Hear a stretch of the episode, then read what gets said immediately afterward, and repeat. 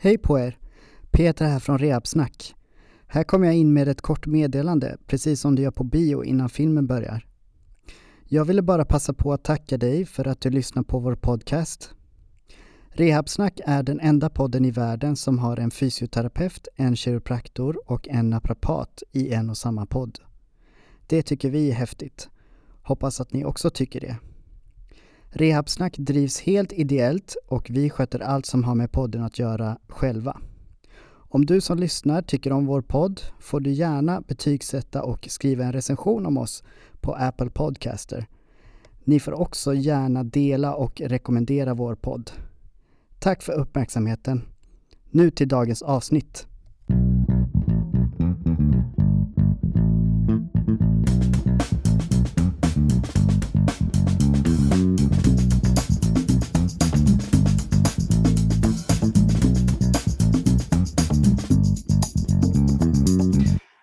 Då så, välkomna ska ni vara till Rehabsnack, podcasten där det är tre stycken rehabterapeuter som sitter och pratar om rehabilitering och, och smärta framför allt. Och eh, jag som pratar nu heter Peter Lindberg och jag är fysioterapeut. Eh, och sen har jag med mig som vanligt här då Tim Hustad, naprapat. Hej Tim, välkommen! God kväll Peter! Hur står det till med dig idag? Nej, det går, det går bra. Jag har haft en liten paus nu så nu är jag taggad för att komma igång igen. Ja, men precis. Nu var det ändå typ en månad sedan vi spelade in senast, så det, det ska bli kul att, att spela in idag. Sen har vi också kiropraktorn här i podcasten som heter så mycket som Daniel Pantelic. Välkommen Daniel! Tack, tack. Eh, hur står det till med dig? Det är bra. Det är bra. Bra som vanligt. Alltid bra. Ja, ja men trevligt. Um, och idag då, vi brukar ju alltid gå så snabbt in på dagens tema och jag tänker att vi gör det idag också eftersom det börjar bli lite sent på kvällen här också. Mm. Men eh, dagens tema då är ju spännande för att vi ska prata om effekter, olika typer av bidragande faktorer som kan påverka varför en patient blir bättre efter en behandling. Så vi kommer att gå igenom lite olika punkter. Vi kommer diskutera specifika effekter av en viss behandling, naturalförlopp, regression to the mean, placebo, viljan att behaga, post hoc, ergo propter hoc och vad detta betyder för oss i praktiken. Så det är dagens tema.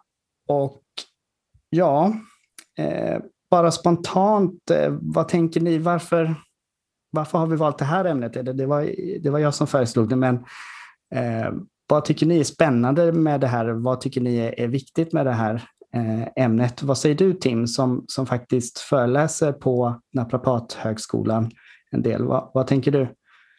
Um, ja, eh, jag har ju, ehm, som jag nämnde för er innan här, eh, tagit upp eh, eller haft föreläsningar om det här för naprapatstudenterna. Och um, jag måste ju säga att Eh, I min egen eh, utveckling som terapeut så har det ju varit en av de sakerna som har varit både ett stort störningsmoment nästan och man har liksom fått lov att börja, man måste förhålla sig till att man inte kan påverka allt hela tiden. Man kommer ut liksom skolan och tänker att man har verktyg för allt möjligt. Men eh, det här är, det här är liksom att gräva lite grann i varför vi inte har alltid verktygen och lösningarna och att det är andra faktorer där ute som vi inte kan påverka lika mycket. Och jag tycker det är helt essentiellt för att, eh, att förstå bättre vad vi gör och eh, ge bättre behandling i slutändan. Mm. Just det. Och Daniel, har du några tankar kring dagens ämne? Ja, jag tycker att det är viktigt, men det är, när man pluggade eller när man gick ut utbildningarna så man var ganska duktig på att eh, behandla saker, men man hade lite svårt att utvärdera effekten av det. Man hade egentligen bara patientens känns det bättre, ja eller nej? Eh, man hade svårt att liksom värdera resultatet utifrån de här olika eh, faktorerna som vi kommer att diskutera idag. Så att jag håller med till att det är liksom grundläggande att man förstår allt som kan påverka resultatet så att man inte drar fel slutsatser av resultatet. Ja, just det, precis. Och jag tänker att eh, det här är något som jag har lärt mig lite mer om efter att jag har tagit examen. Eh, och det jag kände till tidigare då, eller i början när jag var ny, det var ju, då tänkte jag mest på kanske de specifika effekterna och naturalförlopp som jag kände till. Eh, placebo också såklart. Men något som jag kände lite mindre till var det här regression to the mean som vi ska prata om. Eh, och det här post hoc, ergo propter hoc och viljan att behaga. Så jag tänker att det här kan bli lite intressant för, för en del av er. Eh, för en del av er kanske ni kände till det här, men för andra kanske det är helt nytt.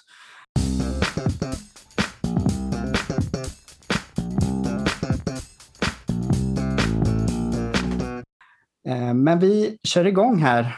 Och jag tänkte som en liten eh, vad ska man säga, introduktion till, eh, så att vi kommer igång med diskussionen här då då vi träffar ju alla patienter som söker för smärta av något slag i kroppen. Och sen så ger vi kanske någon behandling av något slag och patienten blir bättre på uppföljningen någon vecka eller några veckor senare. Så vad är det som har hänt då? Vad, vad kan det finnas för olika faktorer som gör att patienten har blivit bättre nu? Och vi ska börja med att prata om de specifika effekterna, Tim. Eh, mm. Kan du berätta lite om det? Absolut.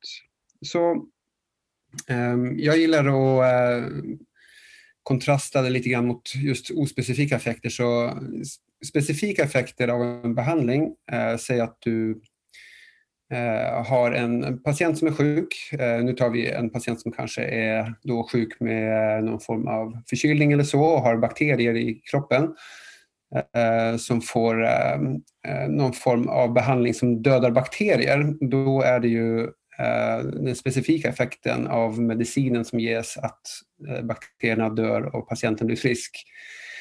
Medan ehm, de ospecifika effekterna i samma behandling det är ju är, är doktorn vänlig? Är, är det i en klinisk setting i ett sjukhus eller får man mediciner liksom pushat på ett eh, mörkt gatuhörn? Eller, alltså, förstår du menar? Det, det, det, spelar också, de här ospecifika effekterna spelar också in. Men där har vi ju en väldigt tydlig specifik effekt. Sen är det ju så här, kan man egentligen säga att vi som jobbar med smärta på samma sätt. Speciellt kanske vi som inte sätter så mycket mediciner, men vi som eh, kanske knådar eller knäcker eller tränar eller gör sådana saker. Eh, om, om vi kan säga att det är så, eh, eller om vi kan hitta och definiera de specifika effekterna i det vi gör. För att ehm, Ja, vi, har ju liksom, vi lärde ju i skolan att när man eh, manipulerar en led så kanske man ehm, eh, man, man, släpper på någon form av spänning runt leden till exempel, alltså muskelspänningen släpper.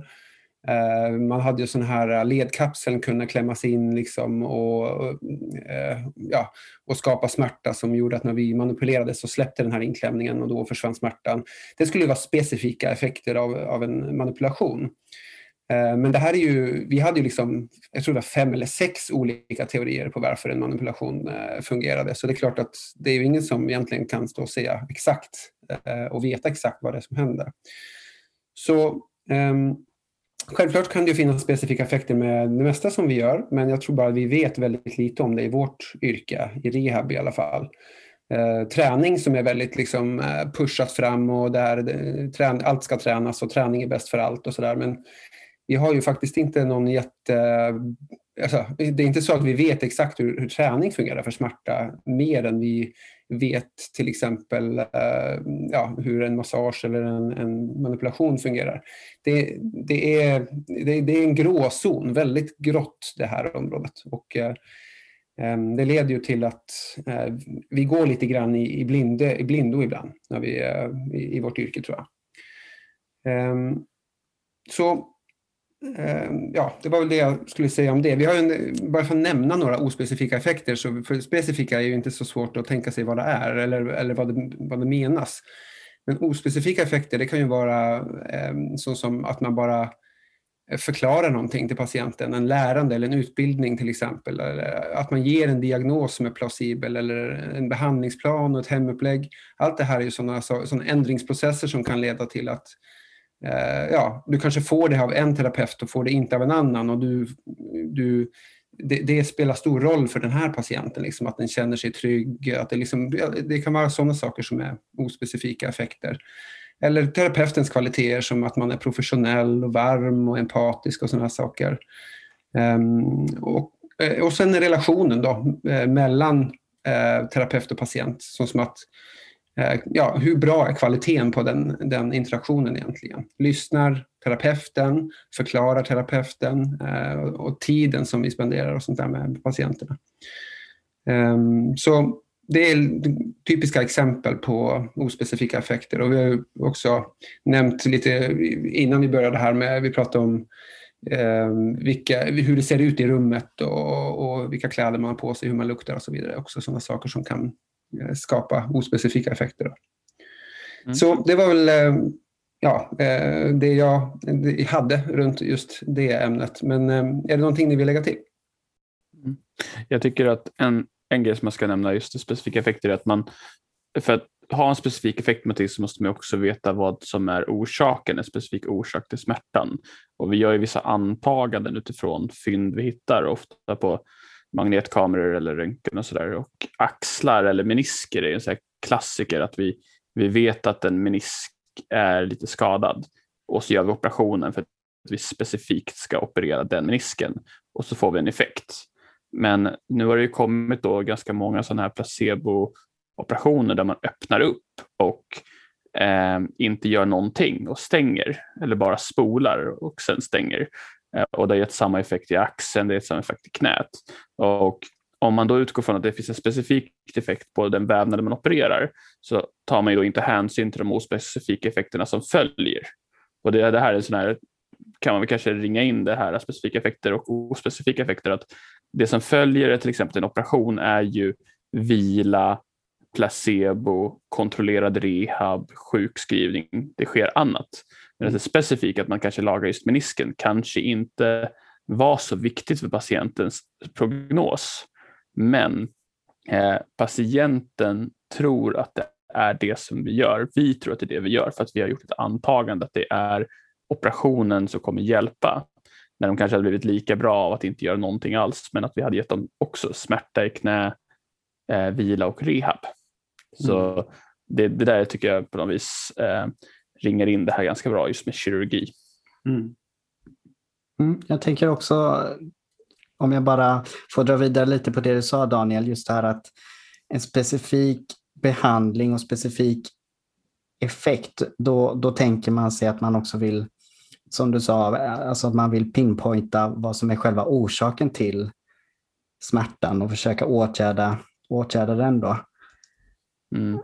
Uh, och det är, ju, det är ju alltid som Tim nämnde där om det med om man får bakterier. Där har man ju också gjort vissa intressanta studier på att eh, ta som att man har halsfluss. Eh, så har man tittat på hur mycket snabbare blir det faktiskt bättre om du äter antibiotika. Om det liksom är det vanliga vanliga förloppet och då har man sett att det ungefär snittar på 17 timmar snabbare frisk än om du inte fick antibiotika överhuvudtaget. Eh, vilket då såklart gör att man borde ta mer antibiotika när man inte har andra indikationer för att äta antibiotika. Vilket de flesta länder verkar då gå åt det hållet. Men specifika effekter utgår ifrån att vi vet vad det faktiskt är vi gör, mm. vilket ofta inte är fallet. Just det. Ja, men precis, och där, jag vill bara eh, säga där också att det finns ett problem med att man tror att man, ger, att man får specifika effekter och gör en specifik behandling. Och det är ju exempelvis eh, det här eh, post hoc ergopropter hoc fallacy som vi kommer in på lite senare. Men, mm. men eh, just eh, det hänger också ihop med vad man har för uppfattning kring vad som orsakar smärtan och förklaringsmodeller kring smärtan som man också kanske ger till patienten då som kan vara felaktig egentligen. Och sen att de specifika effekterna kanske inte är så specifika eller det kanske är en väldigt liten del utan den största delen kanske är de ospecifika effekterna. Ja, men man ska inte snubbla för mycket i det. Det finns ganska många tillstånd som det faktiskt är specifika effekter som vi är ute efter. Ibland är det att menisken måste lagas, mm. ibland är det en behandling som måste göras. Eh, så att man inte, det, det är på gruppnivå skulle jag säga att det ofta är problem med det här. Men det finns på individnivå ganska många som har väldigt specifik effekt och väldigt stort behov av en specifik behandling. Just det. Och det är bra att du säger det. Jag tänker att det är det man i forskning tänker jag att man vill försöka komma fram till de specifika effekterna, de tänkta effekten av en viss behandling eh, egentligen. Va? Men inte, är inte det lite, om jag får lov att svära kyrkan, eh, forskningens eh, svaghet här då? Att man ofta gruppar ihop en hel massa individer och så säger man att ja, alla som har ont på det här sättet och har de här liksom tecknen och allt det här, de ska vi forska på nu och så ska vi förstå vad som är den bästa behandlingen. Och så det, det är så många, det är så många eh, platser det kan gå fel där. Liksom. Både att man, man, man tror sig veta vad det är som är orsaken till problemet som eh, Daniel nämnde här innan. Och så gruppar vi ihop en hel massa människor som vi tror vi vet exakt vad, vad det är de lider av. Och så eh, testar vi samma behandling och så, ja, jag tror det, ofta är det lite, lite kaka och sådana här eh, uh, forskningsförsök. Jag tror att det är jättesvårt. Jag tror jag också att man vill ha power i en studie, vilket innebär då fler deltagare. För att få fler deltagare så måste man ha inklusionskriterier och så måste även ha exklusionskriterier. Mm. Och ju bredare nät du kastar desto mer power får du, vilket vi efter, eftersträvar. Men mm. också desto större nät vi kastar desto mindre specifikt blir det, desto mer ospecifika effekter kommer vi fånga upp. Ja. Mm. Tyvärr. Vad innebär det kliniskt då? Alltså nu står jag fram med en, en patient framför mig i kliniken här på, på måndag morgon och har hört den här podcasten. Vad, vad är det det ska förändra för mig? Då? Ja, ty tyvärr blir det så, precis som vi sa, där. det beror ju på tillståndet och hur säker man kan vara på vad patienten har ont av. Eh, klinisk undersökning är ju, är ju inte så lätt. Eh, om du har en patient och eh, du säger att du misstänker då meniskskada, vilket är jättesvårt att diagnostisera säkert, eh, så ska man väl försöka att behandla patienten eh, så specifikt man kan när det inte finns någon risk av behandlingen. Men man ska inte kanske gå in på mer invasiv som opererar direkt mm. utan utgå från att det finns ospecifika effekter. Eh, det finns specifika effekter men det som kommer funka för den här patienten är att vi startar med det som funkar för de flesta, träning och tid.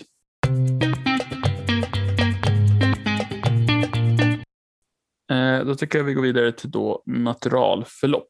Eh, och det kan man beskriva så som att de flesta godartade smärttillstånd eh, har en god prognos och blir av sig själva bättre utan att man gör någon specifik behandling. Runt 10% blir dock långvariga besvär och när det, när det är på det här viset så är det viktigt för oss som vårdgivare att ha, då, ha, ha koll på när det är en god prognos och då kunna förmedla det på ett förståeligt sätt till patienten. Samt så är det viktigt att vi kan se när det inte är en god prognos och kunna screena för faktorer som ökar risken att patienten får långvariga besvär eh, och då övervaka det här och sätta in insatser.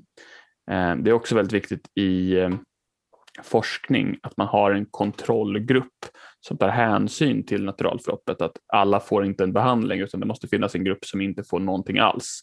Eh, de sitter på en väntelista eller så där man inte eh, gör något som man kan mäta mot de som man faktiskt gör någonting på eftersom de flesta saker blir bättre över tid. Um, har du något att tillägga där? Ja, men där är väl, förlåt, men där är väl liksom ryggskott är ju ett sånt klassiskt exempel på ja. Med, med liksom en god prognos och ja. som också blir bättre och att de allra flesta blir ju bättre eller besvärsfria inom tre månader i alla fall. Sen är det en liten del som du sa där, kanske runt 10 procent som, som fortsätter att ha besvär. Ja, det är inte bara rygg. Alltså, jag tycker ryggskotten är, det är väldigt godartat tillstånd, men även andra saker som kan anses mer allvarliga, eh, diskbrock, eh, muskelrupturer. Alltså mycket blir ju bra av sig själv utan någon form av liksom, intervention. Eh, och vissa saker blir ju inte att de läker men att symptomen, och det är oftast det patienter mest intresserade av, blir, de, de blir symptomfria. Eh, även om inte till exempel den supraspinatus-sena läker ihop utan att den, den drar ihop sig så funkar axeln alldeles utmärkt ändå. Mm. Eh, så det, det, är viktigt, det är viktigt tror jag att man få med patienten i att förstå det här att de, vad de än har. Eh, så det patienten först vill veta är vad har den och kommer det bli värre och, eller kommer det bli bättre? Ehm, och jag tror att får man med patienten att förstå naturalförlopp så får man lite lugnare patient under akutfasen. Mm. Jag har bara en eh, sak att skjuta in när det gäller forskning här. Om det är speciellt kanske studenter eller också färdigutbildade som lyssnar nu och eh, läser lite studier eller har kanske precis, precis börjat att göra det. Så eh, jag kommer ihåg i början så för mig så var det liksom inte så viktigt om det var någon form av grupp som inte fick interventionen. Det var, jag ville ju se vad som hände när man gav behandlingar till folk. Alltså, det var innan man förstod forskningsvärlden ordentligt.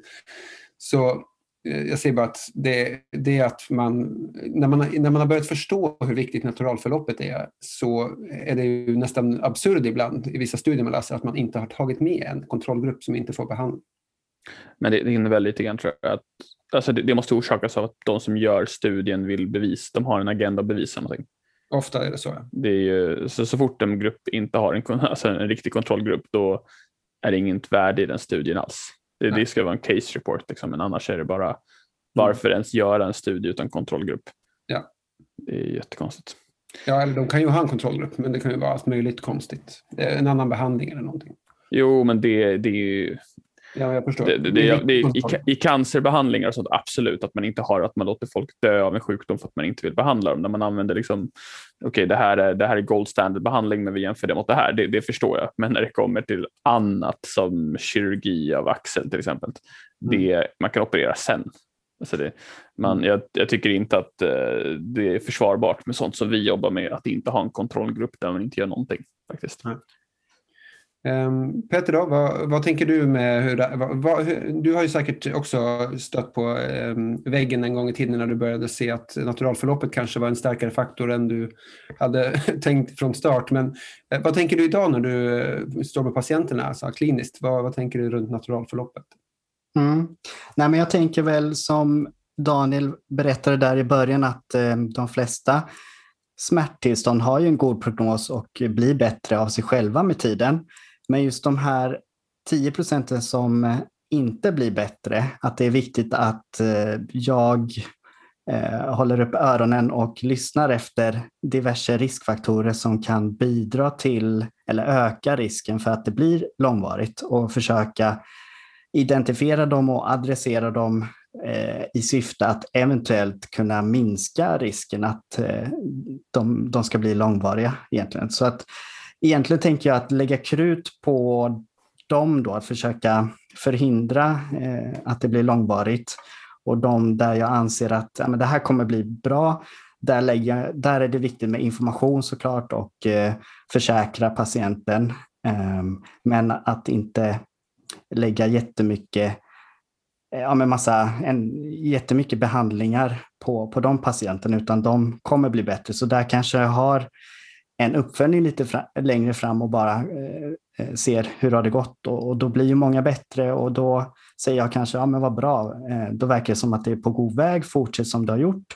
Vi kan ha en indirekt uppföljning eller en uppföljning ännu lite längre fram bara för att se att det går åt rätt håll. Så mm. lite så tänker jag. Det är roligt med naturalförlopp. Eh, när jag började jobba inom vården, det var första gången jag, alltså inom eh, inom landstinget så var det första gången jag stötte på akupunktur. Eh, och eh, då hade jag redan liksom förstått det med naturalförlopp. Då, men just att de sa att man alltid skulle behandla tio gånger. Eh, och när jag då frågade de som höll på med är det för att man avvaktar naturalförloppet? Så var det ingenting som de hade någon, de, de tänkte att det var akupunkturen som inte gav effekt förrän man hade gjort det ett par gånger. Mm. De, hade ingen, de tog inte hänsyn till att det mest sannolikt bara är att de blir bra av sig mm. själv. Nej, men så är det nog ganska mycket tror jag. Ja, det, det, det, var, jag tror att det är viktigt att man lyfter det, men jag tyckte det just, man kan ju hacka på vilken behandling som helst, men jag tyckte det var roligt att man, att man har satt tio gånger. Det var inte liksom, kan vi ge det en eller två gånger, utan, för det är så specifik effekt där, utan det var verkligen, du ska göra det minst tio gånger, inte mer, inte mindre. Mm. Och då är det intressant, jag ska bara skjuta in snabbt, intressant då att eh, vissa pratar om, eh, i, i utbildningen så var det ofta att man pratar om hur många behandlingar tar det här. Inte ja. hur lång tid tar det. Nej, men det, jag tycker ofta jag ser stå på olika kiropraktorer hemsidor och sådär att mm. ja, men det tar tre till fem behandlingar, någonting sånt där. Om det inte är bättre inom den tiden, ja då, då ska man gå vidare och ja, då får man väl utgå från att det är under loppet av i alla fall fyra, fem, sex veckor, vilket är den normala tiden de flesta smärttillstånd lägger sig. Eh, så det, jag, jag, tror inte att terapeuter av diverse typ då, är medvetna om det här. Nej. Utan jag tror att de faktiskt tror att saker har blivit bra. Och det är just det här att man behandlar akuta saker. Eh, behandlar man kroniska saker så faller det här lite grann bort. Eh, om man inte pratar om regression to the mean som vi kommer till snart. Men annars så liksom just det här akut att man ändå lägger så mycket resurser på något som nästan alltid blir bra av sig själv. Det är inte helt okej okay, tror jag. Mm. Och det kan vara patientens resurser men det kan även vara vårdresurserna. Så jag vet inte hur man ställer sig till det. Om man verkligen informerar patienten och politiker om att det antagligen går att spara ganska mycket pengar här. Mm. Vill du dra ditt eh, citat där, Peter? Just det, precis. Det gillar du. Exakt. Jo, kör vi. Jag gillar ju citat och då har jag valt ut ett här eh, som jag tycker är träffande just för naturalförloppet och det är Voltaire. Kan du, frans... kan du dra den på engelska för det låter mer coolt då? Eh, absolut, det ska jag göra. Så Voltaire citat då. Eh, The art of medicine consists of amusing the patient while nature cures the disease. Eh, så den är, den är ändå ganska, den är lite kontroversiell, eller lite så provocerande kanske, att eh, det vi gör är mest liksom spel för gallerian, eller Eh, vi liksom gör saker medans naturförloppet och tiden gör sitt för patienterna.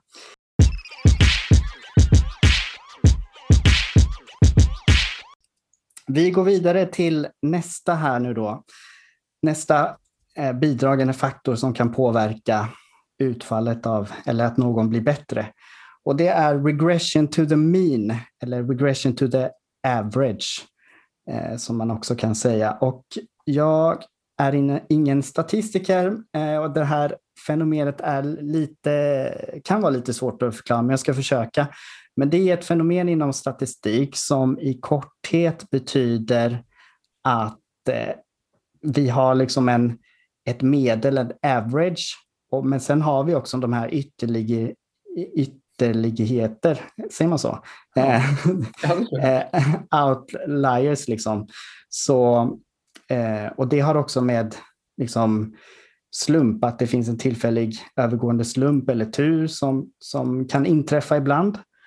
Men att det som oftast går tillbaka till det här medelvärdet, om man säger så, vid upprepade händelser. Så, jag ska ta ett exempel. Om vi tar en, en, säg en fot, elitfotbollsspelare som vid en match presterar eh, lite ovanligt bra.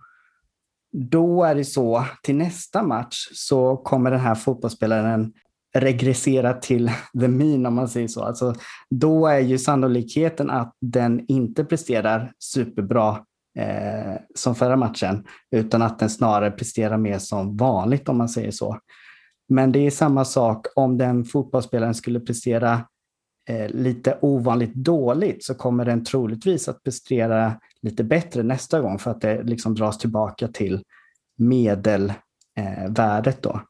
Så gällande smärta så betyder det här till exempel att patienter som har lite mer ont än de kanske har en smärtexacerbation, att de har en tillökad smärtperiod och så söker de sig till vården och de träffar dig som vårdgivare. Då kanske de har lite mer ont, lite mer ont än vanligt om man säger så. Eh, och, och, du gör en behandling och sen har en uppföljning om till exempel en vecka eller två. Och med på den tiden så kan det vara så att den här smärtan naturligt sett går tillbaka och drar sig mer mot eh, medelsmärtan, det som det oftast brukar ligga på. Eh, eh, och det kan ju då bidra till att man tror att eh, det var eh, den specifika effekten som gjorde att patienten blev bättre, men i själva verket så, så skulle smärtan kanske ändå ha gått tillbaka till Eh, medelvärdet om man säger så. Mm. Så det är regression to the mean. Har ni någonting att tillägga där? För att enkelt beskriva vad det är om man, om man inte hängde med där så är det väl, man pratar om flare-ups, eh, att ibland så har man ett, ett grundtillstånd som ibland är värre och ibland är bättre men ofta återgår till det normala. Eh, vad man rent Precis. kliniskt sett ska ta till sig med regression to the mean är att man måste följa upp patienten över ganska lång tid. Man, man kan inte sluta för patienten säger att ja, jag tycker det känns bättre nu eller känns bra nu, utan man har ett mål med patienten, vad den ska klara eller inte klara och så ska man se till att det har blivit bra. Eh, och det behövs inte egentligen så många besök för det, utan det kan räcka med att man planerar att jag, jag kommer ringa dig om tre månader eller om sex månader för att se om det här effekten hållit i sig. Eh, så att man inte luras av att patienten är bättre bara för att den återgår till sin baseline eller har gått ner lite grann under och sen lite om, om någon vecka eller två eller månader vad det må, må vara så, så går det tillbaka till, till samma. Mm. Jag tror att det viktiga här eh, kliniskt är ju att man uh, utreder lite grann, ställer de frågorna, viktiga frågorna runt uh, hur brukar det vara? Uh, vad, hur bra, liksom, vad, vad, är bra för dig? Vad innebär det att vara bra? Eller um, vad, är, vad är din målsättning? Uh, är det att bli bättre än du brukar vara eller är det bara att bli av med det du har just nu? Så, så förstå lite grann vad, de, mm. vad, patienten tänker och vad de vill någonstans. Det tror jag är viktigt kliniskt. Ja, det måste ändå säga Tim, där, där sa du någonting bra. Um, att patienten inte alltid är intresserad av långsiktiga resultatet utan det är här och nu. Den vill bara bli av med det här här och nu. Mm. Eh, då kan man använda regression till min genom att förklara att naturalförloppet kommer antagligen trycka ner det till där det var innan. Precis. Mm. Och jag tänker, som du sa Daniel där tidigare, att man behöver följa upp det här, följa upp det här över en kanske lite längre tid ibland och, och jag kanske förklarar till patienten också att eh, eh gällande långvarig smärta så brukar det kunna vara så att smärtan går lite upp och ner, lite som en berg och dalbana. Vissa dagar är bättre, andra dagar är det sämre. Men vi vill ju se liksom om, om det överlag drar sig mot att det blir bättre eller eh, att vi kan se trend, någon, någon typ av trend. Liksom. Men att man ska ha respekt eh, för, eller ha det i åtanke. Just att eh, smärta ofta är så varierande, om man säger så, i sin natur. Mm. Jag brukar ofta rita den här eh, Louis Giffords um, ah, Toblerone-grafen för patienten. Det brukar vara jättebra. Bara, bara för att liksom få någon form av så här, nu har vi både jag och patienten sett och ritat och kommit överens om att så här brukar det kunna se ut. Och det är väldigt bra egentligen för en terapeutisk process och, och liksom ha etablerat det. Har man, har man bevisat att det är bra? Nej, eh, förlåt. Eh, eh, alltså det, det, verkar väldigt bra, om jag får korrigera mig själv. Då. Alltså det, det, är en, det, är bra på det sättet att Alltså jag kan inte säga om det är bra för smärta eller bra för behandling eller för resultatet, men det är i alla fall väldigt bra för eh, den terapeutiska alliansen, om vi säger så. Då, då är mer förberett på att okej, okay, det här kan gå lite i en berg och istället för att eh, det ska bara bli bättre nu de nästa tre veckorna. Jag tror inte alltid att man ska sätta målet att patientens smärta ska försvinna. Men om vi säger att det är ett tillstånd som är där på grund av att patienten inte vill ändra de vanor eller ge upp någon aktivitet som den inte tål eller att det inte går att få smärtan egentligen att bli bra, men att den har det här förloppet med regression to the mean och, och, och varje gång det blir en flare-up så tenderar de att söka vård för ospecifika effekter. Eh, det blir ju ett moment i patientens liv som inte egentligen ger dem någonting. Så om de kan förstå det du beskriver även om det inte hjälper deras smärta så kan det fortfarande hjälpa deras förståelse för deras smärta. Precis. Och det har ju ett värde som inte behöver vara smärtlindrande men ändå ett värde i livskvalitet. Precis, håller helt Bra sagt. Mm.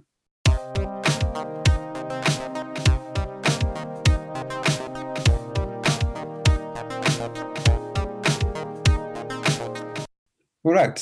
Eh, placebo, vi har ju egentligen pratat om saker som rör placebo redan ganska mycket, men placebo eh, finns ju närvarande i all behandling. Eh, alla känner väl kanske också till nocebo, det, det är den onda grannen eller det motsatta. Ehm, där ehm, eh, ja, vi kan eh, skapa negativa effekter med saker vi säger eller saker vi gör eller sånt här. Då. Alltså att man, man gör det sämre istället för bättre.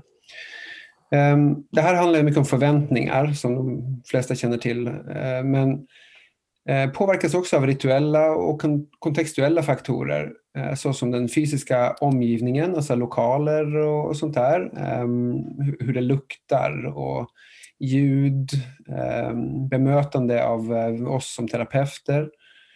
Ehm, kommunikation, alltså hur, eh, om vi är lugna och avslappnade och, och, så eller om vi stressar och håller på och sånt här. Det kan också spela roll för hur vi uppfattas och hur den helheten liksom upplevs av patienten.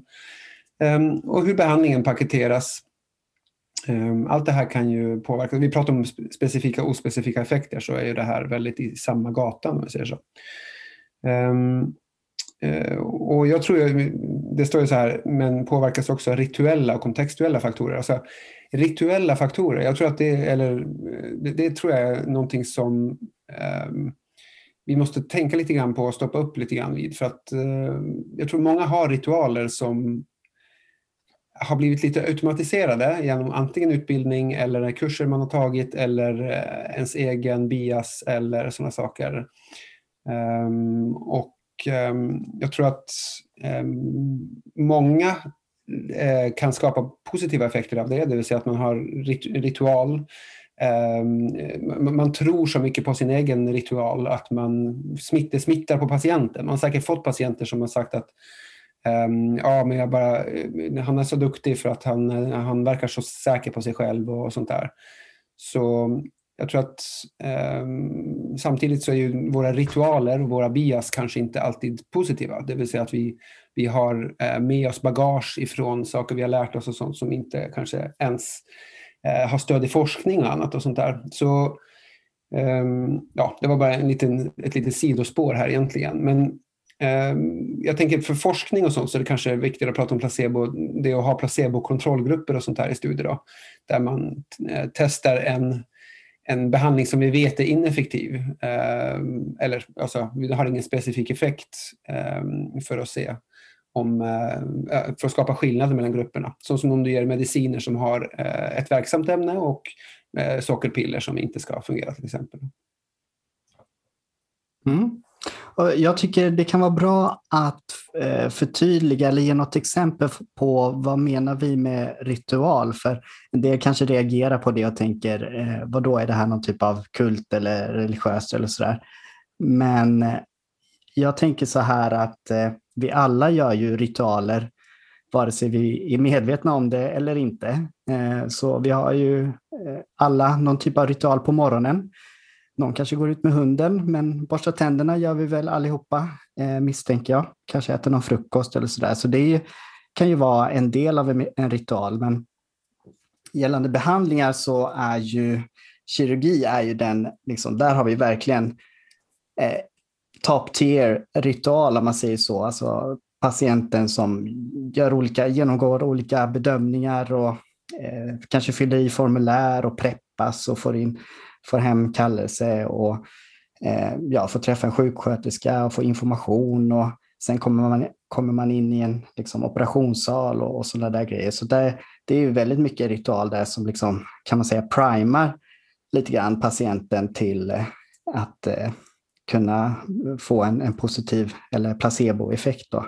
Du kan, ju, du kan bara, Peter, du kan bara tänka dig om du skulle ta bort alla de där stegen för en patient och så bara träffar en en person som bara skickar dig direkt in i, in i operationsrummet. Och, alltså, se framför dig hur den patienten skulle ja. tänka på det. Mm. Ja, fruktansvärt. Då blir det kanske en nocebo istället. Ja, jo, mm. exakt. Ja, men ritualer är viktiga, men det är det jag menade inledningsvis där också. Men mm. eh, vi måste bara passa oss att vi inte har ritualer som eh, går i fel gata också. Mm. Jag kommer tänka på den filmen Monty Python när de ska hämta hans organ. Han har skrivit på ett organdoneringskort. Mm. Den är, det låter som det. Eh, men men om, om man inte ska hacka på kirurgi, då, för det är inte riktigt rehab, men om man ska, det som vi tenderar att göra med placebo, eh, om du går in på bästa Youtube-kanalerna och så kollar på kiropraktorer eller fysios eller vad ska vara för någonting, så kan man ofta höra dem använda placebo i väldigt stor utsträckning. Eh, känn, där släppte den, kände du hur det släppte? Eh, nu rör det sig, nu, nu, nu känns det mycket mindre spänt, nu, nu, där la den sig på plats man, man hör liksom there you go hela tiden. Eh, mm. Eh, varenda manipulation kiropraktorn gör och det är liksom 20 stycken manipulationer på en patient så är det så there you go. Did you feel the release? Alltså det, de verkligen involverar patienten i det här rituella. Då. Mm. Att de, har, de har sin jargong och de har antagligen samma jargong med alla patienter. Eh, och så där har man verkligen lärt sig att genom sitt förhållningssätt då förstärka effekten med placebo. Mm. Och då, vi, vi pratade om det här innan och det är hur etiskt är det att förstärka en placebo och hur långt kan man sträcka sig? Eh, om man säger att okay, nu känner jag att det känns mycket bättre. Eh, om, man kan säga det på olika sätt eller man kan ha diplom på väggen. Är det, är det okej okay att förstärka en effekt genom att ha diplom på väggen? Att man, man ser att jag har kompetens. Eh, och är det då okej okay att ha eh, sätta upp massor med eh, lappar på väggen som ser ut som diplom men inte är äkta diplom? Genom att, för att just förstärka den positiva effekten. Hur långt kan man egentligen sträcka sig? Förstår ni vad jag tänker? Absolut. Ja, det är en, en, en hemsk gråzon det där. Alltså. Svårt att navigera lite grann. Man, det finns en studie, jag har inte namnet på den nu, men det finns en studie där man tog erfarna kiropraktorer, det här var i, tror jag det var i USA, eh, och eh, de fick inte prata. Man tog eh, helt nya kiropraktorer och så tog man erfarna kiropraktorer och så fick de inte prata, de fick ställa ja och nej frågor till patienten och sen behandla och sen mätte man resultatet. Och om den erfarna kiropraktorn och den oerfarna kiropraktorn inte fick prata så var effekten ungefär densamma. Det var inte så stor skillnad mellan grupperna medan om de erfarna kiropraktorerna fick prata så var det ganska stor skillnad i effekten. Mm. Och det här, jag kommer inte ihåg vad den drog för slutsats, men man kan dra slutsatsen av det i alla fall, att förhållningssättet väger väldigt mycket mer än kanske själva behandlingen. Ja. Precis, och där är det, om vi ser till forskningen så är det ju så viktigt med blindning, både av deltagarna men också av behandlarna, eftersom att det kan påverka effekten genom placebo. Eh, så att om jag som behandlare vet vilken behandling jag ger och som jag kanske föredrar så kommer det att påverka hur jag kommunicerar eh, med deltagaren, hur jag, liksom, hela ritualen och, och kroppsspråk och sådär som kan, som kan ge en extra placeboeffekt. Mm. Ja, och nocebo-effekt. Ja. Det är, man, ja, men precis. Bara, jag tänker på en tandläkare, man kommer in och man ser en trött tandläkare som kollar på sin klocka och det är lite, lite blod kvar i handfatet där. Då, då blir det sämre. Ja. Så är det.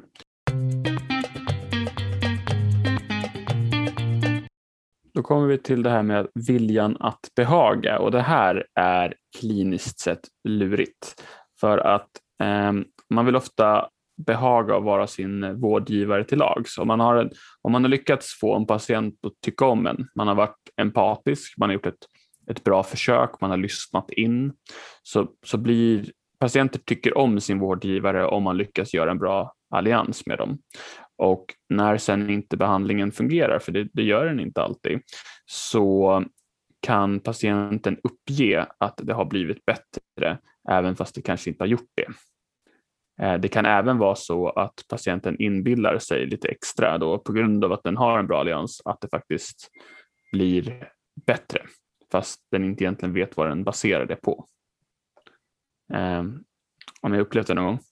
Yes. Ja, det har jag nog. Jag, jag tycker att det är speciellt när man jobbar med, eh, stenor eftersom det tar så lång tid och man verkligen man har ju dem ett tag så men de, de kommer in och säger så här, ah, har det blivit bättre? Ja, ah, det har blivit bättre. Okej, okay. vad specifikt har blivit bättre? Och då kan patienten bli lite ställd där och liksom säga, ja, det känns bättre, ja, men vad specifikt känns bättre? Ja, det kanske inte har blivit så mycket bättre, säger de. Eh, och det där är lurigt om man inte känner till just att patienten har en, en vilja att behaga mig som terapeut eh, ibland då, så kommer man ibland dra slutsatser av att det faktiskt har blivit bättre när det inte har blivit bättre. Mm. Jag tror det är viktigt att undvika den andra ytterligheten också lite grann. Alltså, eh, jätteviktigt att, att eh, liksom utreda med patienten om de faktiskt har blivit bättre eller inte i form av smärta och sånt där. Eh, åt, andra, åt andra hållet så tycker jag ibland att, att eh, om man förklarar vad förbättring kan vara, för jag tror väldigt många patienter säger så här att, eh, om vi tar det eh, motsatta här då, de säger jag har inte blivit bättre. Och så, um, istället, och så, istället för att liksom säga så här att, eller agera upprörd och säga va, har du inte blivit bättre eller något, något sånt, så bara eh, börjar du att gå igenom eh, de saker som man har pratat om tidigare. Alltså, kunde inte gå mer än 20 minuter. Alltså alla de här liksom, eh, säga, parametrarna, eh, fysiska funktionsparametrar och annat, så kan man ändå se att eh, och förklara för patienten att det finns förbättringar som inte är eh, Eh, gör det ont när jag går eller inte. för många, många eh, helt enkelt hänger sig upp i det här att ja, men det gör fortfarande ont när jag böjer mig framåt, så det är inte bättre. Så eh, på ena sidan så ska man vara duktigare och, och liksom gräva och förstå att okej, okay, faktiskt kanske det här har inte blivit bättre, som, som du pratar om Daniel. Och samtidigt så kan man också eh, fråga efter andra typer av förbättringar. För jag tror att många patienter har inte helt eh, koll, eller de, de tänker inte på det. Och då säger de så här att ja, men, jo, absolut, det går mycket bättre att gå nu. Men det är fortfarande ont när jag, alltså förstår jag menar. Så det, ja. ja. både och där lite grann. Även, även om det där kanske inte har så mycket med viljan och behag att göra så, så absolut, man, det där är ju med axlar är det ju hopplöst ibland. Och patienten, eh, om den inte är smärtfri så är den inte bra eller bättre. Mm. Och det kan ju vara liksom att de kom in för eh, två månader sedan och kunde inte lyfta sin arm, och inte kunde lyfta sin arm på ett år mer än 80-90 grader och nu har de fullt range of motion i alla riktningar. Ja. Det enda som är kvar är att det är ont när de ligger på dem på natten och det stör deras sömn. Men ja. de, de klarar av belastning. Mm. Och trots det så säger de att det har inte blivit bättre förrän man belyser det för dem att okej, okay, det har blivit bättre och då kan man märka liksom att okej, okay, ja. då ser de det. Men de, visste inte, de har inte tänkt på det innan, de har inte sagt någonting av illmening utan det är att de kan inte utvärdera sin egen prognos eller progress. Nej, precis. Så det, det var bara en sidospår, men ett mm. riktigt sidospår. Ja, men absolut, det är det. Absolut. Mm. Eh, men om vi går vidare till en annan grej med det här. Mm. Det, det, finns, det här med viljan och behaga, men det finns eh, en annan effekt som kallas för nomadpatienter. Eh, och det är samma sak att patienten vill inte göra sin vårdgivare missnöjd, så den säger att saker har blivit bra. Och det, det du gjorde hjälpte jättemycket, tack för hjälpen och liksom allt det där. Men sen veckan efter har den bokaren in sig hos en annan. Den har redan planerat, den, den går vidare till en ny, ny sjukgymnast, ny kiropraktornaprapat, vad det må vara. Den testar någonting nytt. Men den säger till terapeuten som den var hos att det har blivit bra. Mm. Um, det här är ju inte en placebo, liksom, nå någonting konstigt, utan det är bara att när man utvärderar resultatet ibland så kan det vara så att okay, personen har haft ont jättelänge och så säger patienten att den har blivit bra.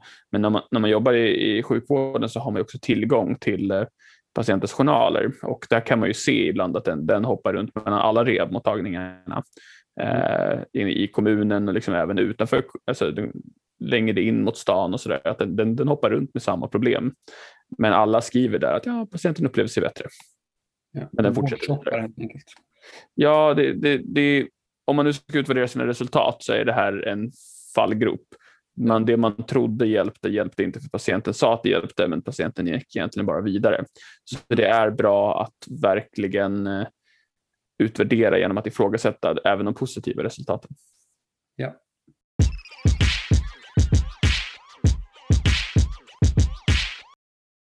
Okej, så nu har vi diskuterat flera olika bidragande faktorer till att en patient kan bli bättre efter en behandling.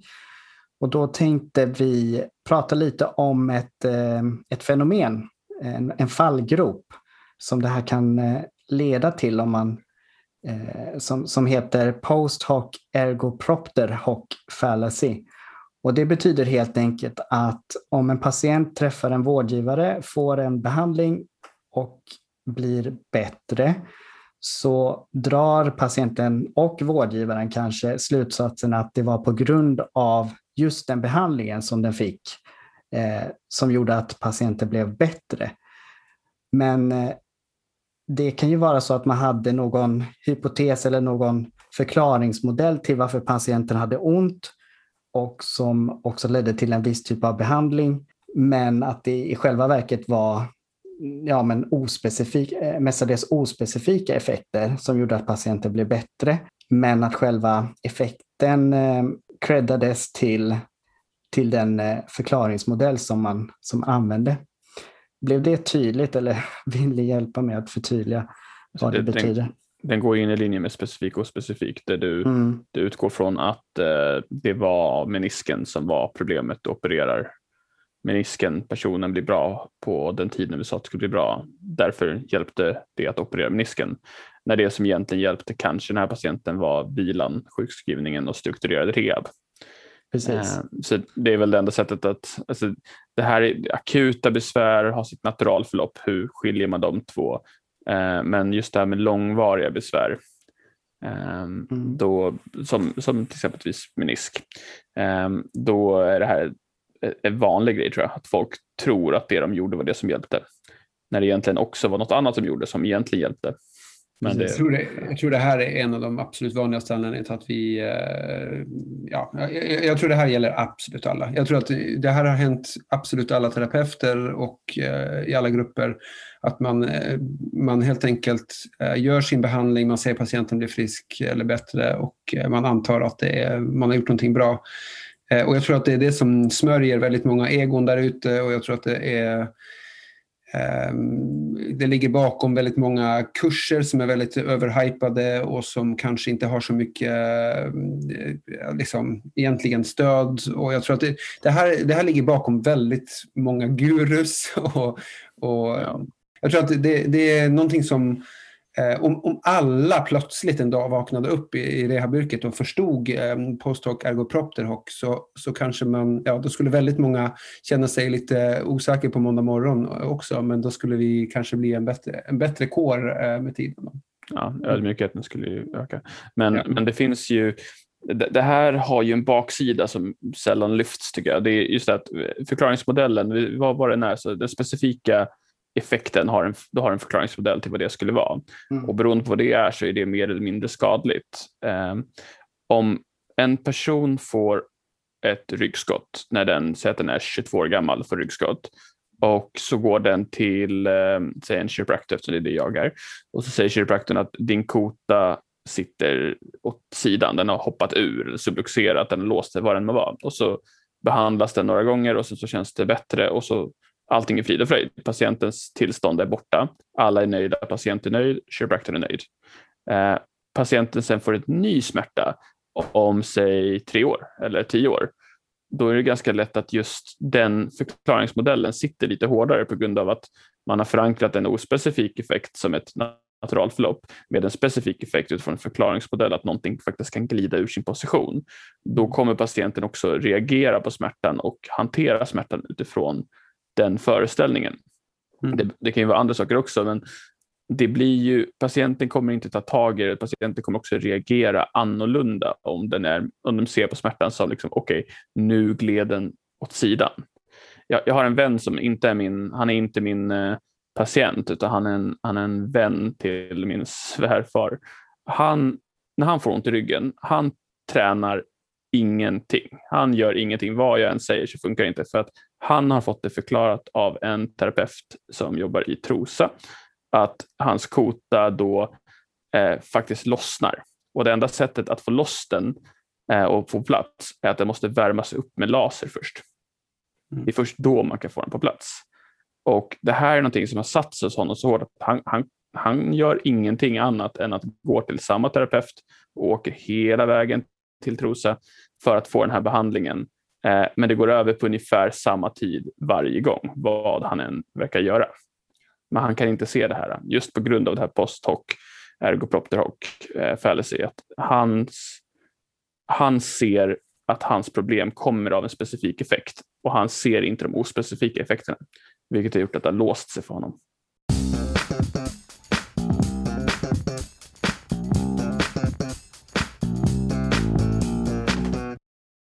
Okej hörni, men då har vi diskuterat alla de här olika punkterna och faktorerna som kan påverka eh, effekten av en, en behandling som var fler, massa olika att tänka på. Um, så vad har vi för avslutande tankar kring det här nu? Vad, vad, vad, vad ska man ta med sig? Vad, vad bör man ha i bakhuvudet tycker ni eh, gällande de här aspekterna? Vad tänker, vad tänker du Tim? Ja, som en, eh, nu har vi pratat om många olika grejer och man kan försöka sammanfatta lite grann. Men eh, eh, för min egen del så kan jag bara försöka kort säga att det har varit en stor kognitiv dissonansfaktor att bli mer medveten om de här faktorerna. Så det kan ju vara studenter där ute till exempel, eller till och med också utbildade som hör den här podcasten och känner att Oh, det där var lite, det, det blev lite, lite svettigt. där, där blev det liksom lite nya tankar som eh, man får, får lov att ta till sig och, och tänka på i, i den kliniska vardagen. Eh, men jag kan säga så här, efter en lång rundresa och några, eh, jag skrev ju en hel del eh, eh texter och sånt här som eh, och bloggade runt det här också en, en, en stund eh, när jag hade det som värst, höll jag på att säga. Men när, när jag liksom kom ur den där eh, känslan av att eh, usch, är inte, kan inte jag påverka allt med mina patienter så, så var det ganska skönt egentligen. Just idag så har jag inga konstigheter alls med, med att det finns naturalförlopp och att eh, saker jag säger kan påverka mer än vad jag gör med mina händer. Och, eh, ja, man, man, man, man blir liksom bara lugn med det helt enkelt. Och, eh, man, man, kan, man får ett mycket bättre eh, fågelperspektiv på det hela. Eh, och jag tror att det är väldigt hälsosamt för eh, vården och för dig, eller mig i alla fall som kliniker, att ha det fågelperspektivet. Mm. Låter bra. Jag, jag, jag tar väl alltså, med mig det här är att man ska vara ödmjuk men också att de här effekterna, om, om man vill vara en duktig terapeut så måste man kunna utvärdera Eh, sina resultat. Och, och då ska man också vara medveten i att det är ganska svårt att göra det. Och utan att ha koll på just de här vanliga felkällorna så kan det vara att man får en skev bild av sin, av sin verklighet. Um, och jag försöker alltid vara specifik i vad jag gör och om en person söker för någonting så vad är det som faktiskt gör ont? Eh, är det några speciella rörelser, speciella aktiviteter den inte tål. Sen utvärderar jag efter dem. Personen fick ont i ryggen när den sprang. Den springer mer än 3 kilometer eller 5 kilometer men nu kan den helt plötsligt springa eh, en och en halv mil utan besvär. Då har jag, egentligen, då har jag hjälpt dem. Jag, jag bryr mig egentligen inte jättemycket om vilken specifik effekt jag haft, bara att patienten har blivit bra. Och det är den det, det, det är liksom målet med varje patient, men jag tar ju inte, jag får inte något stärkt självförtroende att okay, personen blev bra för att jag gav just specifikt den här övningen, jag gjorde den här behandlingen, utan jag är ödmjuk för att vi inte riktigt vet exakt vad det är. Mm. Man blir inte lika låst Eh, Nej. Och det, det, det, kan, och det kan vara lite jobbigt att bli friad, eller just i befrielsesprocessen. Eh, för det blir lite mer eh, grått och oklart. Men när man väl är lite fri från det så kan det vara ganska skönt. Jag ställde en gång en fråga i ett kiropraktorforum där vi, vi är många kiropraktorer där och så sa jag att eh, om, vi, om vi till 100 procent motbevisade den här behandlingen, då, HVLA som vi kallar det, om vi till 100 procent motbevisade den, skulle ni sluta använda det då?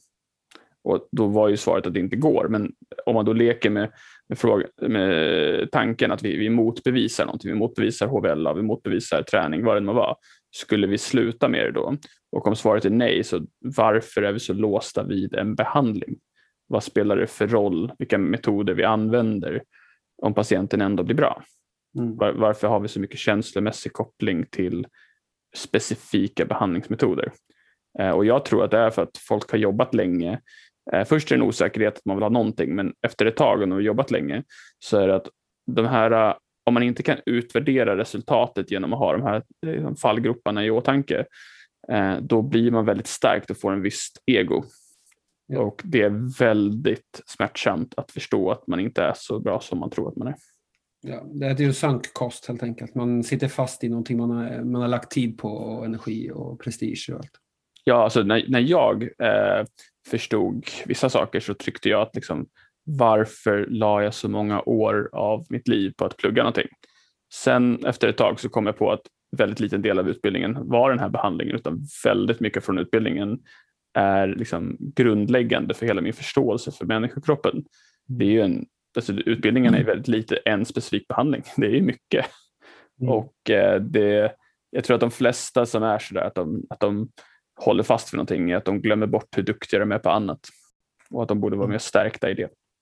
Mm. Peter då?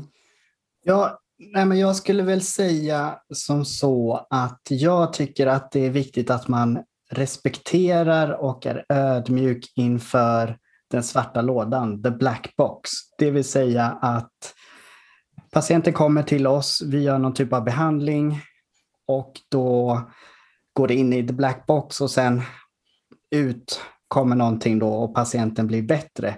Men vi, det kan vara svårt att veta exakt varför patienten blir bättre eh, och att förbättringen består av de här olika beståndsdelarna som vi har gått igenom nu då.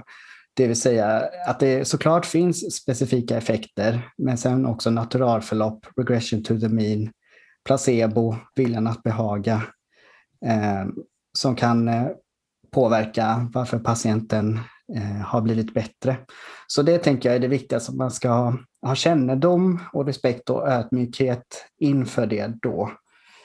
Ehm, men självklart så ska vi försöka vara specifika och vi ska ju självklart applicera patientcentrerad vård och försöka vara specifika i vår diagnostisering och, och behandling där det, där det är möjligt.